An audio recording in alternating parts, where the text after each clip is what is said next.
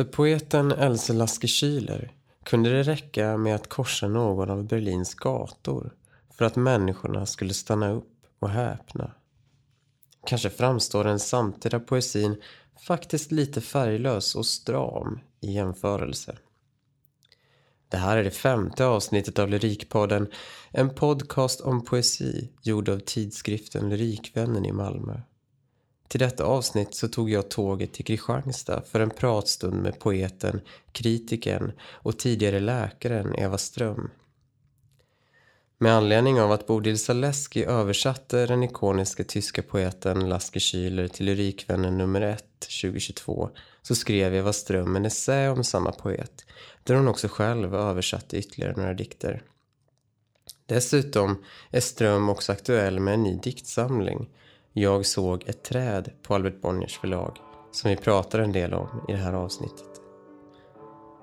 Kanske kan man rent av se en linje löpa ända från Lasker-Kylers sekelskifte fram till den samtida pandemipåverkade svenska poesin.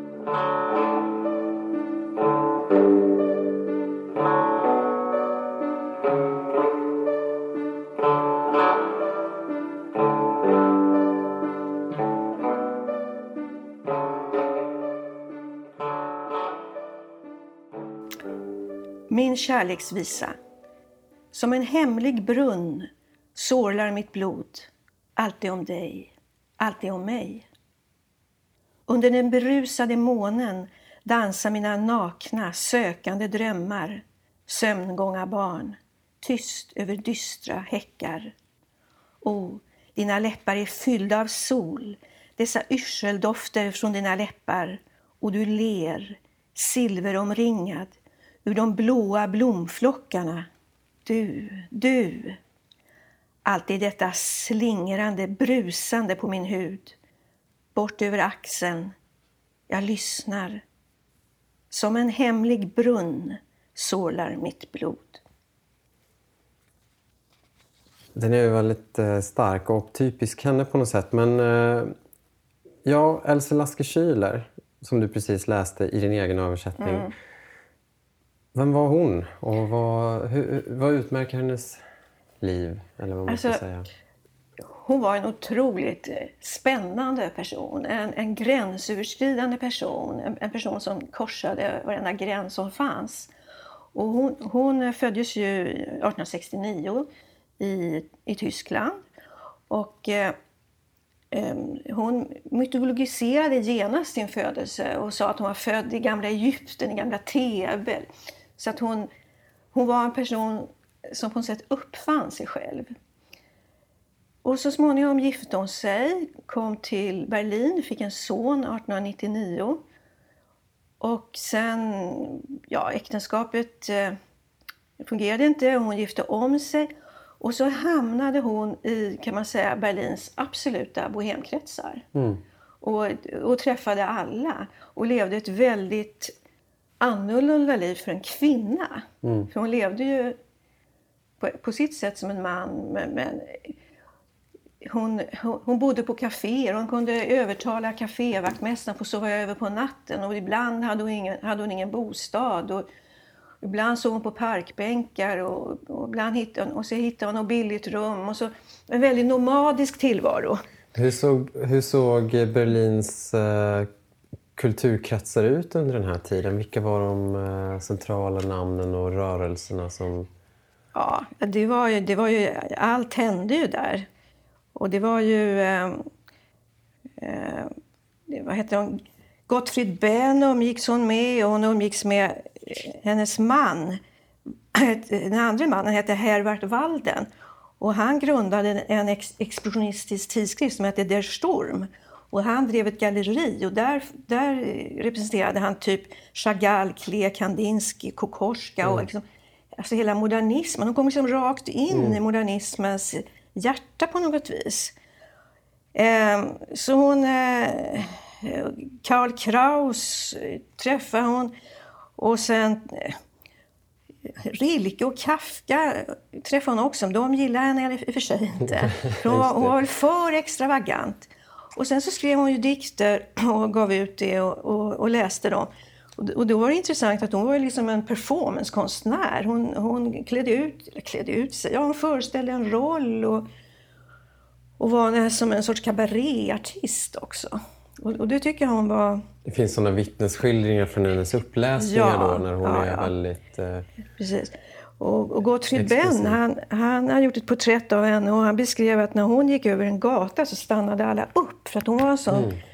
Hon såg så exceptionellt eh, exceptionell ut. Hon hade ju klippt sitt hår i en sorts page. Mm. Eh, och, och sen hade hon massor med ringar och armband och herrkostym ibland eller någon sorts exotisk klädsel. Så folk stannade upp och, och tittade på henne. Ja, det här var liksom lite innan 20-talet? Ja, det, det, här var, det här var ju innan 20-talet. Så hon var ju föregångare för det här La Garçon och man tänker på Södergran. Jag är ingen kvinna, jag är ett neutrum. Mm. Och så hade hon en roll, hon var ju judinna också. Och då hade hon en, en roll där hon kallade sig prins Yusuf.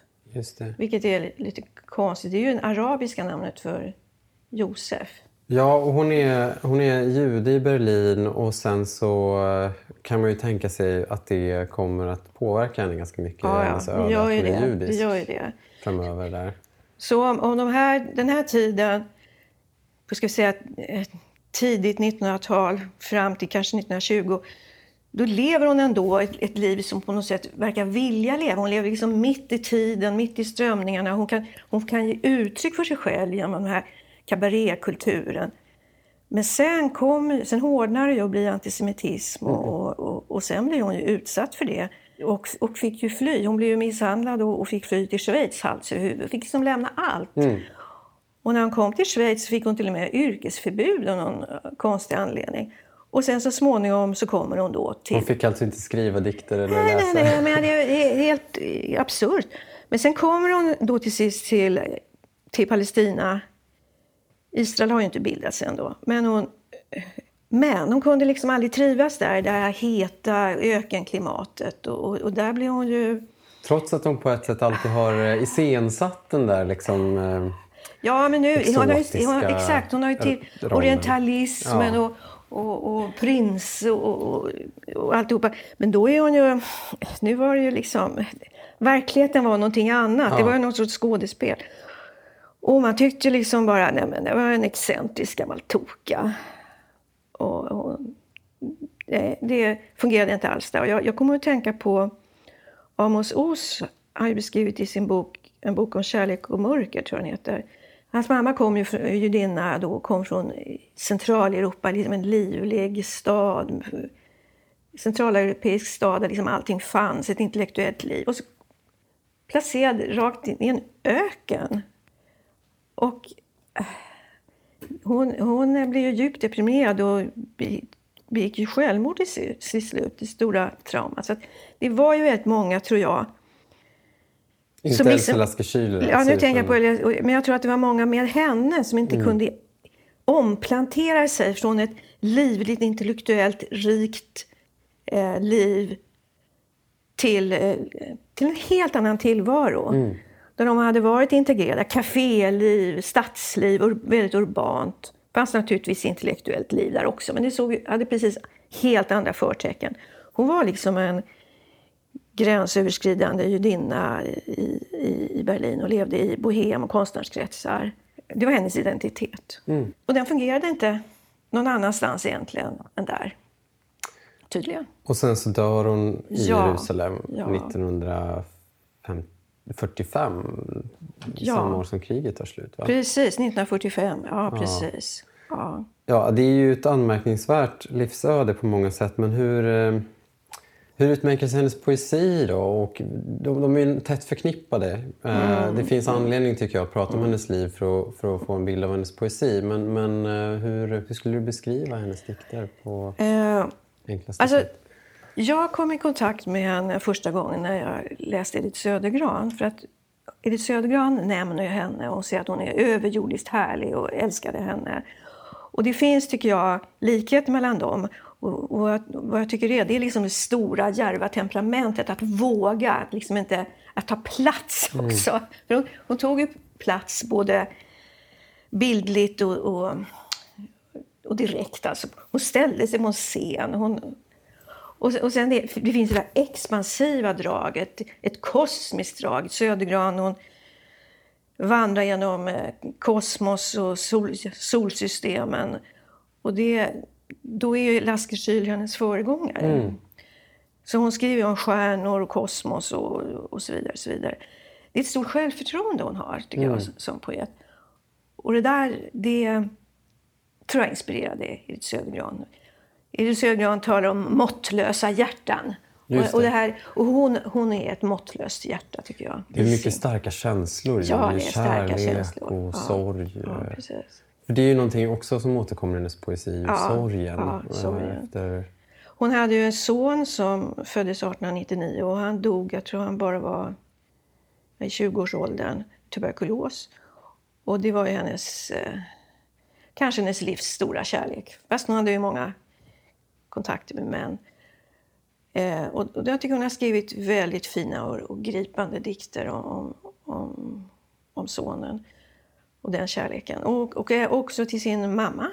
Mm. Så att eh, hon, hon var på något sätt bunden till sina närmaste, sin, en sorts familjemänniska mitt i allt det här kaotiska och bohemiska. Ja, och du citerar ju en rad som är väldigt berömd av henne som jag också vill Mm. citera för att den är så lätt att komma ihåg på något sätt. Kärleken till dig är, är den bild som man får göra sig av Gud, skriver Ja, om det- eh, sin son. Det är ju ett Åh. citat man inte glömmer Mm, efter att nej, ha läst det. Nej, nej, det är så vackert. Och jag tänker på...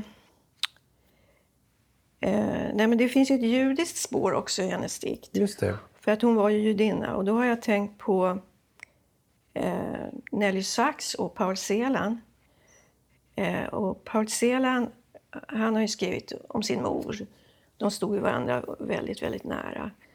Och det är ju den här dikten om Ukraina. Min, min mors hår blev aldrig grått. Han, och det handlar ju om att hans mor, hon blev ju deporterad och mördad i, i, eh, av nazisterna. Och Else Lasker klarade sig från det, från det ödet och och hen- hennes närmaste. Men det, det, det finns en, ändå någonting, tycker jag, i tilltalet. Och Nelly Sachs, hon har ju skrivit så gripande om eh, en mors kärlek till, ett, till en liten pojke som hon då mister. Jag tänkte att i samband med förintelsen. Och det, finns det där väldigt intima tilltalet. Sen sk- sk- skriver Nelly Sachs också väldigt mycket om bibliska eh, eh, för människor ur Gamla testamentet. Och, och, och det, det har ju faktiskt också Else Lasker gjort. Hon har skrivit en väldigt intressant dikt tycker jag om eh, David eh, och Jonatan. Just det. Den kan du också få läsa Ja, precis. Faktiskt... Hon, hon, hon gav ut en diktsamling nämligen som heter Hebreiska ballader. Och där diktar hon bland annat om David och Jonatans nära förhållanden. Och i hennes dikt så blir de erotiska lekkamrater. Alltså, eh, det är en dikt om homosexuell kärlek kan man säga. David och Jonatan. I Bibeln står vi skrivna, grant omslingrade. Men våra pojklekar lever vidare i stjärnan. Jag är David, du min lekkamrat. O, vi färgade våra vita vädurshjärtan röda som knopparna på kärlekssalmerna under helgdagshimlen. Men dina avskedsögon, alltid tar du stilla avsked med en kyss. Och vad vill ditt hjärta nu utan mitt? Din ljuvhetsnatt utan mina sånger. Det, det är också alltså i din egen översättning som, eh, Ja. eh, av dikten som finns med i den essä som du har skrivit. Och här finns det, det finns alltså en, ett arv som lever vidare i den tyskspråkiga poesin kan man säga då kanske. Eh, i, i, i, i judisk exilpoesin lite grann där. Men om man pratar mer om hennes inflytande och vilken eh, påverkan hon har haft. Först och främst hur stor stort genomslag hade hennes poesi under hennes livstid? Vet du någonting om det? Alltså, Ja, hon, hon, var ju en del av en, av en myllrande poesiscen. Hon var absolut ett namn där. Hon, och till exempel det att, bara det att Kafka och, och Rilke nämner henne, mm. det är liksom ett sätt att visa ändå att hon hade en betydelse. Mm.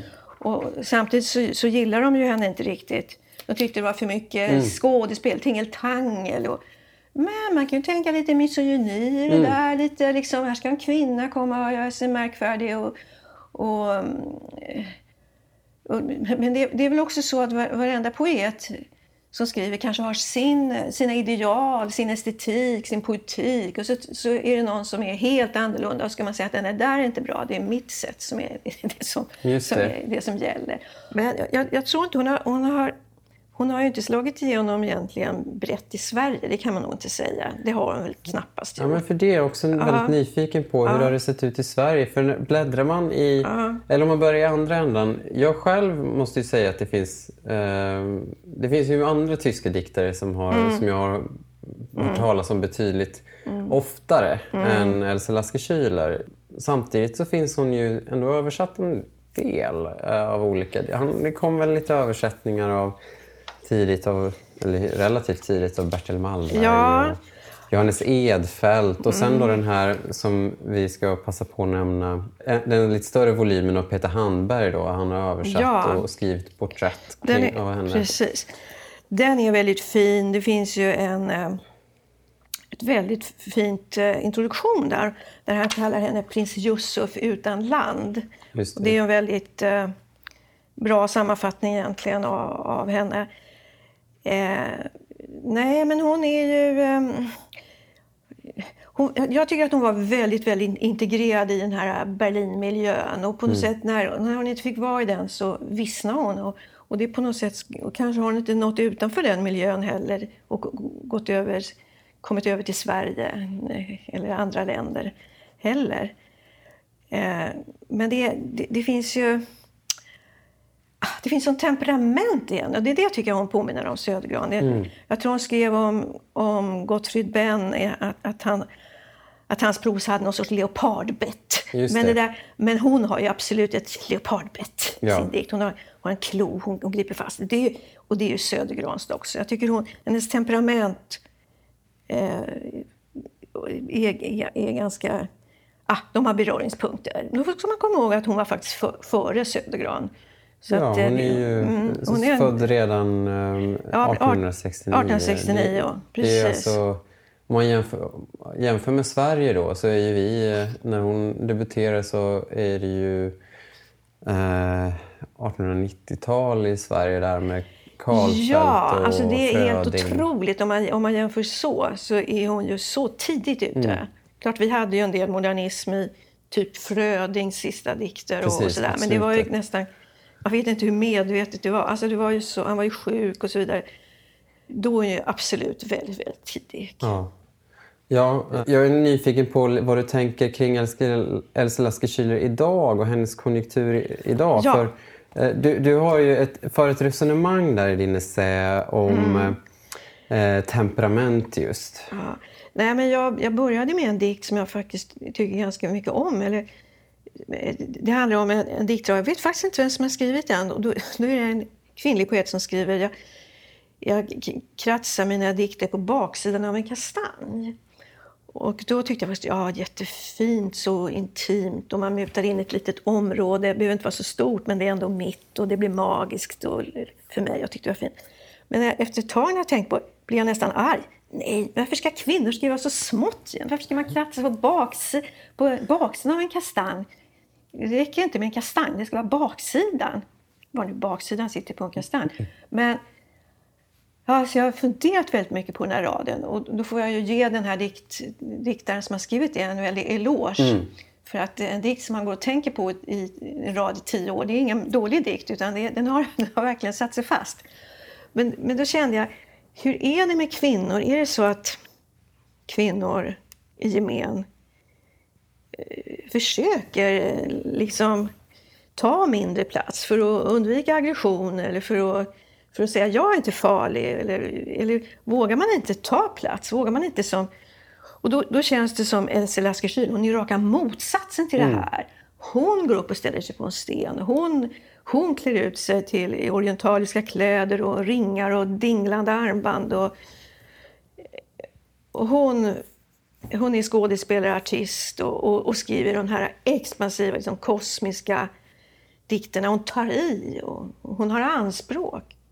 Och, kanske därför som Rilke och, och Kafka tyckte hon var påfrestande, mm. eller vad de nu tyckte. Det var inte deras estetik. Men idag så har, tycker jag vi har ju en, en kanske poetisk estetik som är ganska lågmäld. Eller vi, vi har ju i alla fall många som skriver så.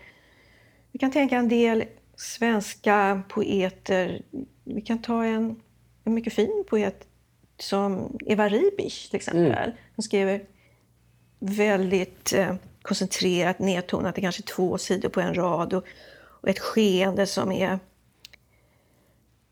kan säga begränsat, men det innehåller ju väldigt stor, starka spänningar. Så att hon, hon lyckas ju väldigt bra i, ja. i sin genre. Men man, man, kan inte kalla det expansiv poesi, utan det, det, är snarare små, små rörelser, mycket finstilta rörelser, där hon upptäcker nyanser och schatteringar. En slags minimalist? Ja, en, en, minimalist. Och det minimalistiska är ju, det är ju stort nu. Man kan ju säga så här att eh, vi har ju också en sån som Paul Celan då, mm. som skrev i, i början av sin bana romantiskt, folkloraktigt, eh, grundat i tysk romantik. Men, men, sen kom ju surrealismen in och så blev men det var fortfarande ganska expansivt och musikaliskt. Men sen, sen kom ju här att den vände, kan komma en vändpunkt i hans poesi där han liksom färgerna på något sätt försvinner. Det blir aska, det blir grått, det blir sandfärgat. Mm. Och orden blir... Ja, dikterna blir nästan som skulpturer. Att det, de sitter fast som atomer med olika krafter emellan. Eh, och det där har ju påverkat eh, en hel generation av poeter, tycker jag. Också i, i Sverige via andra poeter, kanske Lars Norén och, och andra. Det behöver inte vara direkt att man har läst Paul men man, det, har, det har kommit kanske via förmedlare. Ja, att så. Lars Norén tänker då genast ja. hans sena poesi som ja, ja. väldigt... Eh, ja. Eller han går över någon slags gräns där det blir väldigt mycket negativitet och liksom ljus precis. och mörker och metaforik sådär.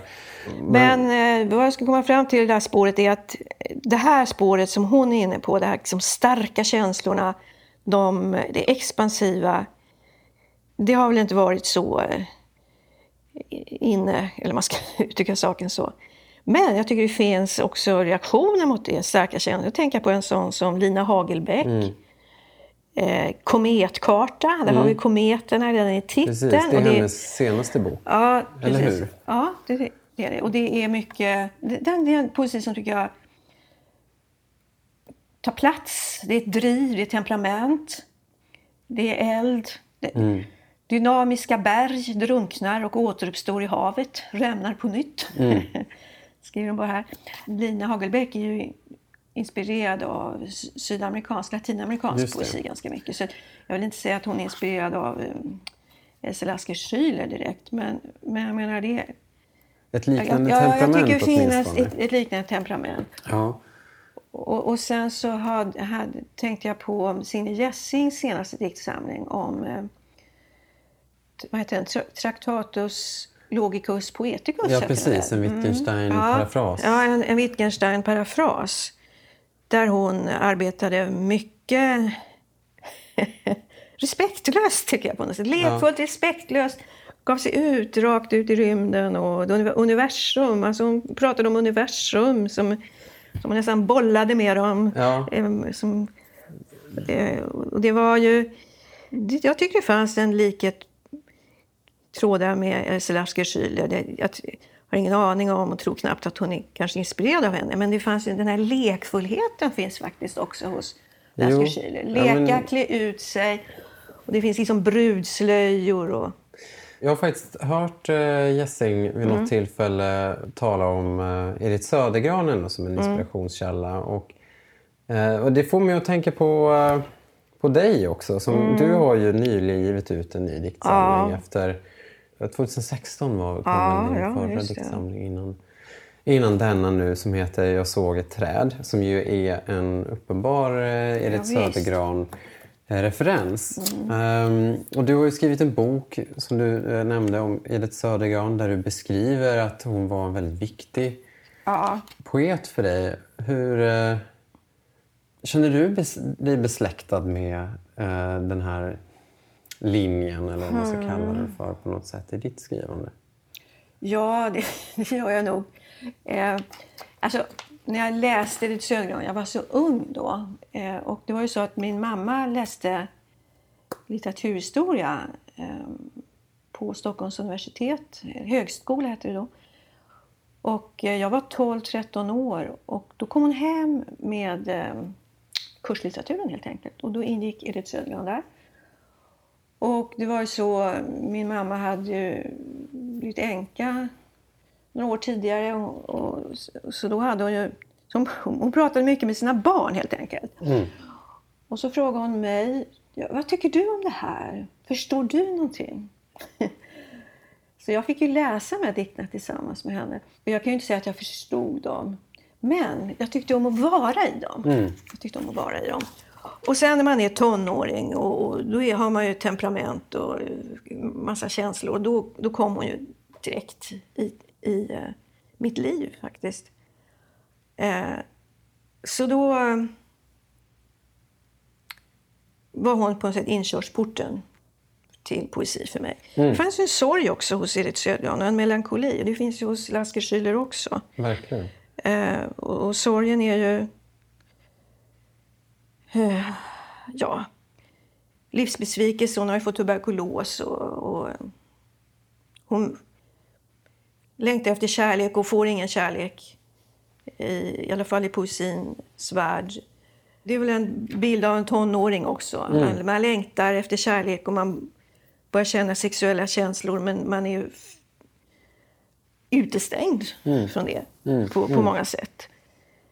Eh, ja, så, det, så, så börjar det. Och ehm, vi har ju de där berömda dikterna. Jag är ingen kvinna, jag är ett neutrum. Jag är Ja, ett precis. barn, en page, ett djärvt beslut. Jag är en skrattande strimma av en scharlakansol. Det är väldigt mycket Lasker Schüler, tycker Ja, jag. det är det faktiskt. Det, det är Ja, ja. Eh, tydligt besläktat på många sätt. Eh, men jag kan själv tycka att det är svårt, då, om man eh, tänker på din poesi, att Mm. kategoris kategorisera in den riktigt i någon sån Ja, stram ja. respektive extatisk kategori. Ja, jo, För du har ju också skrivit väldigt krasst och direkt sådär på många sätt. Och, eh, det är ju någon diktsamling som jag... ehm, jag tror det är den innan den näst senaste. Då du skriver att det inte finns någonting okänt i poesin. ehm, vilket ju låter som en ganska antiromantisk inställning. ja, Ehm, Nej, men jag har väl ingen romans. Jag känner mig ganska besläktad också med Gottfried Benn som är Ja. Schüler. Han var ju läkare och patolog och höll på med obduktioner och hade arbetat på sjukhus och sett mycket sånt. Det har ju jag också gjort. Ja, Man vill ju bort från det sentimentala och, och, och eh, på olika sätt. Men det kan man ju göra på olika sätt. Nej, men den här diktsamlingen den kom ju till i pandemin efter eh, i isoleringen och jag såg ett träd. Det är ju en direkt... Eh, jag såg träd. Alltså, vi umg- Helge och jag gick i promenader. Vi, vi träffade inga människor, vi, men vi Nej. träffade ett träd. Och då trädde de där träden faktiskt närmare. Vi gick och tittade på dem varenda dag. Och, och, och träden blev ju betydelsefulla. Och, och Människan har alltid stått i förbindelse med träd och det finns ju hur mycket mytologi som helst med träd. Och då, då eh, försöker jag skildra det. Samt den död, det- den koncentration på död som det medförde. Men jag har också, jag har ju faktiskt några lite kosmiska dikter här när jag tänker efter. Jo. För att det var... Det- det skulle var jag faktiskt det säga. Var, precis. Nej, men jag skrev ju om... Eh, det, det var den här tiden var, som var så tråkig. Då brukade jag faktiskt, när jag gick och la mig, längta efter att gå och lägga mig. Jag tänkte, hoppas jag drömmer något intressant i natt. För det var då som att nu händer någonting, nu händer någonting roligt. Och, eh, eh, och, och då så skrev jag ju Eh, jag kommer ihåg jag ska se om jag hittar den där dikten. Som en professionell drömmare. Som en professionell drömmare ber jag varje kväll denna instängda tid att få färdas vida och fjärran genom stjärnhimlar över floder. Jag ber skrattande om att få bli psykotisk på ett glädjefullt sätt. Dessa sju timmar av sömn som lösgör mig från dagens munskyddsrubriker, upprörda slagsmål och förkrympande småskurenhet. Ja, alltså det var den där känslan. Eh, här är det, här är det också det här lite kosmiska, att man beger sig iväg från sitt eget huvud rakt ut i rymden. Eh, jag, jag skrattar i drömmen och känner galaxerna rusa mot mig. Dessa stjärnflockar jag skapar åt mig själv varje natt som jag flyger mellan med oförvär, oförfärad upptäckarglädje innan jag om morgonen dimper ner i min säng och mina melankoliska lakan. Men fortfarande med stjärnstoft i mitt rufsiga hår och med Karlavagnen ingraverad på min underarm som ett minne av min nattliga flygfärd. Ja, nej, men det, är, det, det, är, det är en lite skämtsam, ironisk bild. Men, men den här viljan att eh, spränga verklighetens trånga ramar. Ja. Det är väl det som den här dikten handlar om. Det har ju Södergran jättemycket ute, mycket om i sin diktsamling. Mm. Ja, det är ju... I sin, sitt verk. Precis. Och jag, jag, kan ändå på något sätt tycka... När jag läste din mm. um, diktsamling, och, och den där dikten till exempel och, och på något sätt ändå, ja men med de exemplen som du näm nämner med Lina Hagelbäck och Signe Gessing och också det faktumet att Även om du eh, säger att Lasse Schüler kanske inte står så högt i kurs så kom det ju alldeles nyligen en nyöversättning mm, av, eh, mm. förutom då dikterna som vi mm. har i Lyrikvännen översatt av Bode Zaleski så kom också en, en volym på Leid förlag av Marie Tonkin här Aha, nyligen. Det har inte jag sett. Eh, så, hon finns. Hon, finns. Hon kommer, det är en våg. Det, det, finns någonting där och jag tänker just att eh, upplevelsen av ja, men, moderniteten i allmänhet men särskilt kanske under pandemin. Det var det som jag tänkte på just mm. i din mm. bok. Att det finns ju någonting så otroligt klaustrofobiskt där ja. i, i den ja. här liksom rationella, uh, vetenskapliga mm. totaliteten mm. och uh, de här dagliga listorna på dödstal och så vidare. Det ja. känns som att det inte går att ta sig ut ur den här strama verkligheten så att säga. Uh, där kanske det finns ett utrymme. Jag upplevde i alla fall att din, din, det fanns någonting i din diktbok som... Eh, finns det inte en öppning mot det idag?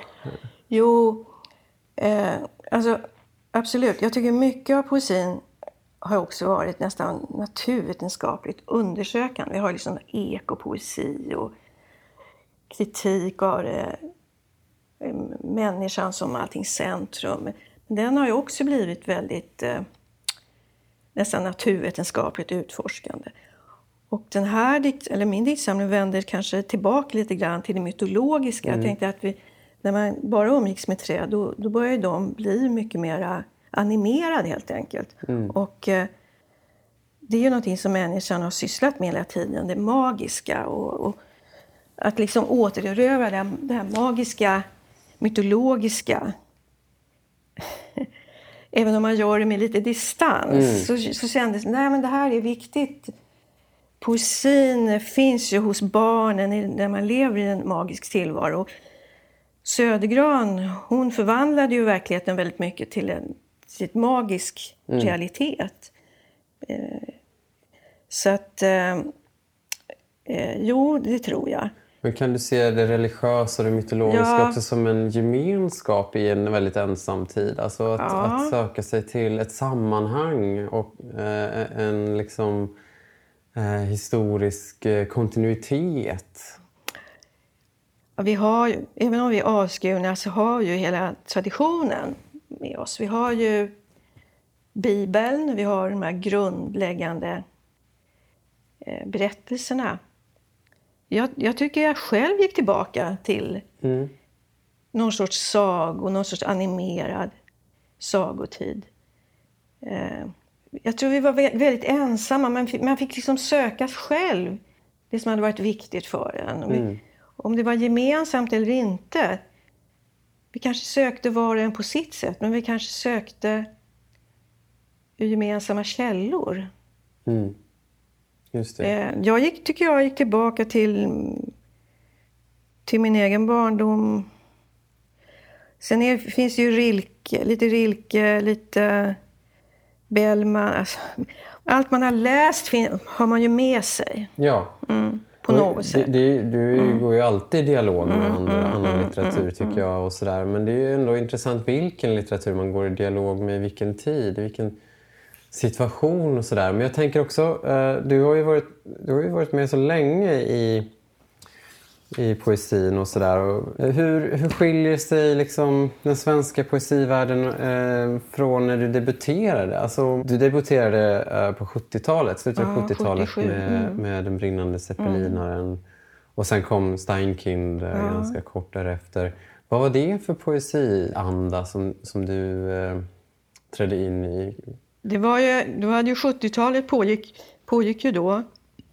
Och det var väldigt mycket politiserad poesi. Det var väldigt mycket kamppoesi, pamflettpoesi eller vad man ska kalla det för.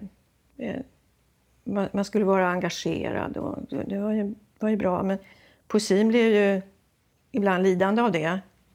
Alltså, jag tyckte att poesin var liksom så präktig på något sätt. Eller hur jag ska uttrycka saken. Den skulle, den skulle inte bara tänka rätt, den skulle också känna rätt. Mm, Okej. Och det eh, reagerade jag mot. För att eh, man, jag visste ju själv att människan inte var så god och perfekt alla gånger. Det var ju bara att gå till en själv och se vad man hade inom sig av aggression och smutsiga och fula och tarvliga känslor. Så att mitt mål då, det var faktiskt att jag skrev i reaktion mot den här poesin som liksom visste precis hur allting skulle vara. Och, En slags upplyst poesi, kan man säga ja, att det, det absolut, var en form absolut. av... eh, där det inte fanns Det några fanns inte skuggsidor? utrymme för ambivalens tycker jag. Mm, Okej. Och jag kommer att jag hittade på ett ord som, som jag kallade för inandningslyrik. Och det skulle, det skulle vara att man, om man upplevde en känsla eller en händelse så var det som att han kippade efter andan. Vad, vad händer nu? Och då vill jag skriva i det ögonblicket. Mm. Men inte liksom när man hade andats ut. Ja, nu har jag andats ut, nu har jag sorterat allting. Nu har allting lagt sig till rätta. Nu är allting perfekt. Du upplevde dig ändå eh, komma med någonting nytt i den situationen? Eller skulle du säga det? Jag, var, jag tyckte naturligtvis själv att jag kom med någonting nytt. Alltså, diktsamlingen gick till, när jag skrev första diktsamlingen gick det till så att jag eh, hade förbjudit mig att skriva en ganska lång tid. För jag hade börjat arbeta på sjukhuset och så Just tänkte jag jag ska inte hålla på och skriva lyrik. Och jag skulle inte lyssna på musik. Jag skulle vara koncentrerad på arbetet och eh, så vidare. Och så fick jag en ledig vecka. Det var i september faktiskt. Apropå septemberlyra. Ja, precis. Ja, södergranskt. eh, Eller hur? Helt klart. Då fann jag mig sitta vid skrivmaskinen och bara forslade ur med dikter. Jag skrev min första diktsamling på en vecka. Oj. Och sen så då visste jag knappt vad jag hade skrivit då. Alltså det var verkligen ett flow, ett, ett, eller ett rus, eller en septemberlyra. Ja. Och så tittade jag på det efteråt. Och tänkte, åh det här är fantastiskt. Så här skriver ingen i Sverige. Jag var verkligen hög. Jag var verkligen så berusad av mig själv. Vad fantastiskt. Ja, lite naivt, fantastiskt, härligt på en gång. Okritiskt. I alla fall så skickade jag in det då till eh, Bonniers. Och då skulle de precis starta ett nytt förlag som hette Alba med Daniel Hjort. Och så sa de att de ville ta det. Men, sa Daniel Hjort, det här var intressant. Du, har, du, du skickar mig en hög med dikter, men du måste göra en diktsamling av det. Jaha. Då tog jag dikterna och jag förstod att han menade att jag skulle ha någon sorts struktur och, och så vidare. Och då så la jag ut dem på golvet, det här golvet då, jag bodde här också. Och såg liksom vilka hänger ihop, det var som filmer och så, så pusslade jag ihop det och delade upp det i tre delar. Och så blev det den första diktsamlingen. Och den brinnande zeppelinaren, det är ju rätt måttlöst också. Både brinner och är uppe i rymden. Jo, visst. visst. Men, eh, Men vad, vad jag ska säga om klimatet då. Klimatet var, upplyst ett bra ord, upplyst, politiserat, ideologiserat. Och eh, mina dikter var väl säkert också på något sätt ideologiserade eftersom de var en motsats, motsats till, Ja. till det här. Och att jag, jag lyfte fram kvinnoteman och, och så vidare. Ja, Steinkind är exempelvis en Ja, ja, väldigt... ja, ja. eh, precis. eh, handlar om- Steinkind, ett dött foster kan man Ja. säga. Men, men det var ju väldigt mycket sagomotiv och mytologiska motiv och, och så vidare. Men Hur, hur, kan man jämföra det med idag på Ja, något absolut. Det tycker jag verkligen. För vi lever i en sån enormt politiserad tid. Man ska inte bara känna rätt. Ibland- ska man också vara rätt. Mhm. Och då menar jag att, att identitetspolitiken har gjort att... Ah, det är inte så länge tycker jag, men det har, det har svängt. Men ett, ett tag sedan var det så. Då skulle man inte skriva om vissa teman. Eller, eller man känner i alla fall det påbudet från vissa håll. Nej, jag tycker det är friare nu än, än vad det var för några år sedan faktiskt. För du nämner också i din essä Mm. ordet, eh, tror jag, påbud eller förbud. Jag kommer inte ihåg vilket Ja, av det är. ja. Och det kan ju koppla också till andra poetiska skolor eller ideal. Så där. Det har ju funnits en väldigt språkmaterialistisk matris ett tag. Med, man skulle inte skriva eh, metaforer. Nej, man skulle nej, inte precis. Nej. använda... Jaget var väl väldigt Ja, ja, misstänkt ja. och sådär. Liksom. Och, eh, det är ju också olika former Mm, av... Liksom, av vad ska, man kanske kan kalla det regler egentligen. Ja, regler. Nej, men det kände jag när jag höll på med Shakespeare. Jag började översätta Shakespeares sonetter. Det var, det kom väl 19 2010 kom den. Jag började väl 2008 ungefär. Det var, det var enormt underbart att och liksom verkligen frossa i hans metaforer och bilder, poetiska bilder. För det fanns en väldigt sträng rörelse. Det- Jag tror den kom på 80-talet. Och det var väl kanske Katarina Frosten som var väl kanske en av de ledande där. Att man vände sig mot metaforer för man tyckte att eh, helt enkelt att de ljög tror jag. Att eh, en metafor ska, säger alltid någonting är som någonting annat. Men varför inte säga att det koncentrerar sig på det som det är och inte, inte gå ett steg därifrån. Och liksom, metaforer kan bli väldigt yviga och, och lögnaktiga. Och jag, jag kan ju hålla med om den kritiken också. Shakespeare var ju på många sätt en klassisk poet som arbetade enormt mycket med poetiska bilder. Och en bild kunde föda en annan bild, kunde föda en annan bild. Just det. Och så ett enormt rörligt, associativt sätt att skriva helt enkelt. Det kände jag igen mig. Att när man skriver poesi så får man ett infall och så kan man ju följa det. Det finns en emotionell logik som inte har att göra med en redovisande logik kanske. Men det låter ju som inandningspoesi. Ja, ja, ja. Återigen. Jo, precis. Ja, precis. Så, ehm, men poesi var också väldigt viktig i folks medvetande. Det var ganska hög status att skriva poesi, ge ut poesi. Tänker du på 70-talet? Jag tänker på nu? 70-talet då. Och nu har väl poesi kanske då gått under jorden lite, mycket, lite Mm. mer då. Blivit sub, en subkultur. Mm. Eh, men det, mer eller mindre. Ja, ibland, det tycker jag, ju- ibland tycker jag, ibland tycker jag inte. Mm, mm. Men s- jag skulle vilja höra någon mer dikt, tycker jag, ur din senaste bok faktiskt. Ja, vad vill du höra? Mm, Vi kan ju ta den här Vassprinsessan. ja. Därför att en fråga, jag tänkt på den nu när det blev krig. Och de här, I den här diktsamlingen, druiderna, de, de, var ju en, de sades ju dyrka träd, trädyrkande religion eller vad vi ska kalla det för. Och de har ju gett ut en kalender där varje månad har ett träd. Och eh, novembers månad har vassen. Men om nu man ska kalla vassen ett träd. Vassprinsessan heter den här dikten. Och under vassens måne. Vassprinsessan. Vad är det för en tid?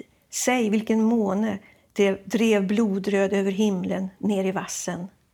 Vem varnade för framtiden? Vem hällde tenn i vattnet, drog fram sitt spådomskort? Vem hämtade en sten ur havet och fann en meteorit formad som en krabba? Vem sov i labyrinten av granit? Vem gick till träden för att få tröst och läkedom? Ännu bär björken löv och linden, alen, fläden, asken, hassen formar nötter och vassen sjunger under unga skyar sin morgonsång. I respiratorn skruvas syret upp och mannen från Omsk kämpar för sitt liv. En flamma blänker till i björkpupiller. Vid denna timme håller världen andan inför en sidentimmes onda tecken.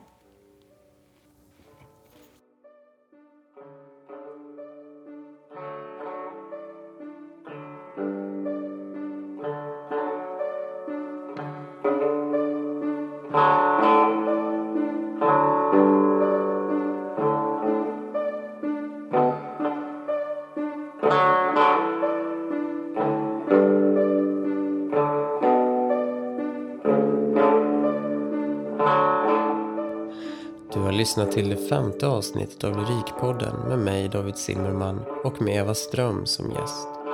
Tidskriften utkommer med sex nummer om året och om du vill veta mer om vad vi gör så kan du följa oss på Instagram eller besöka vår hemsida lyrikvanden.se där du också kan teckna en prenumeration.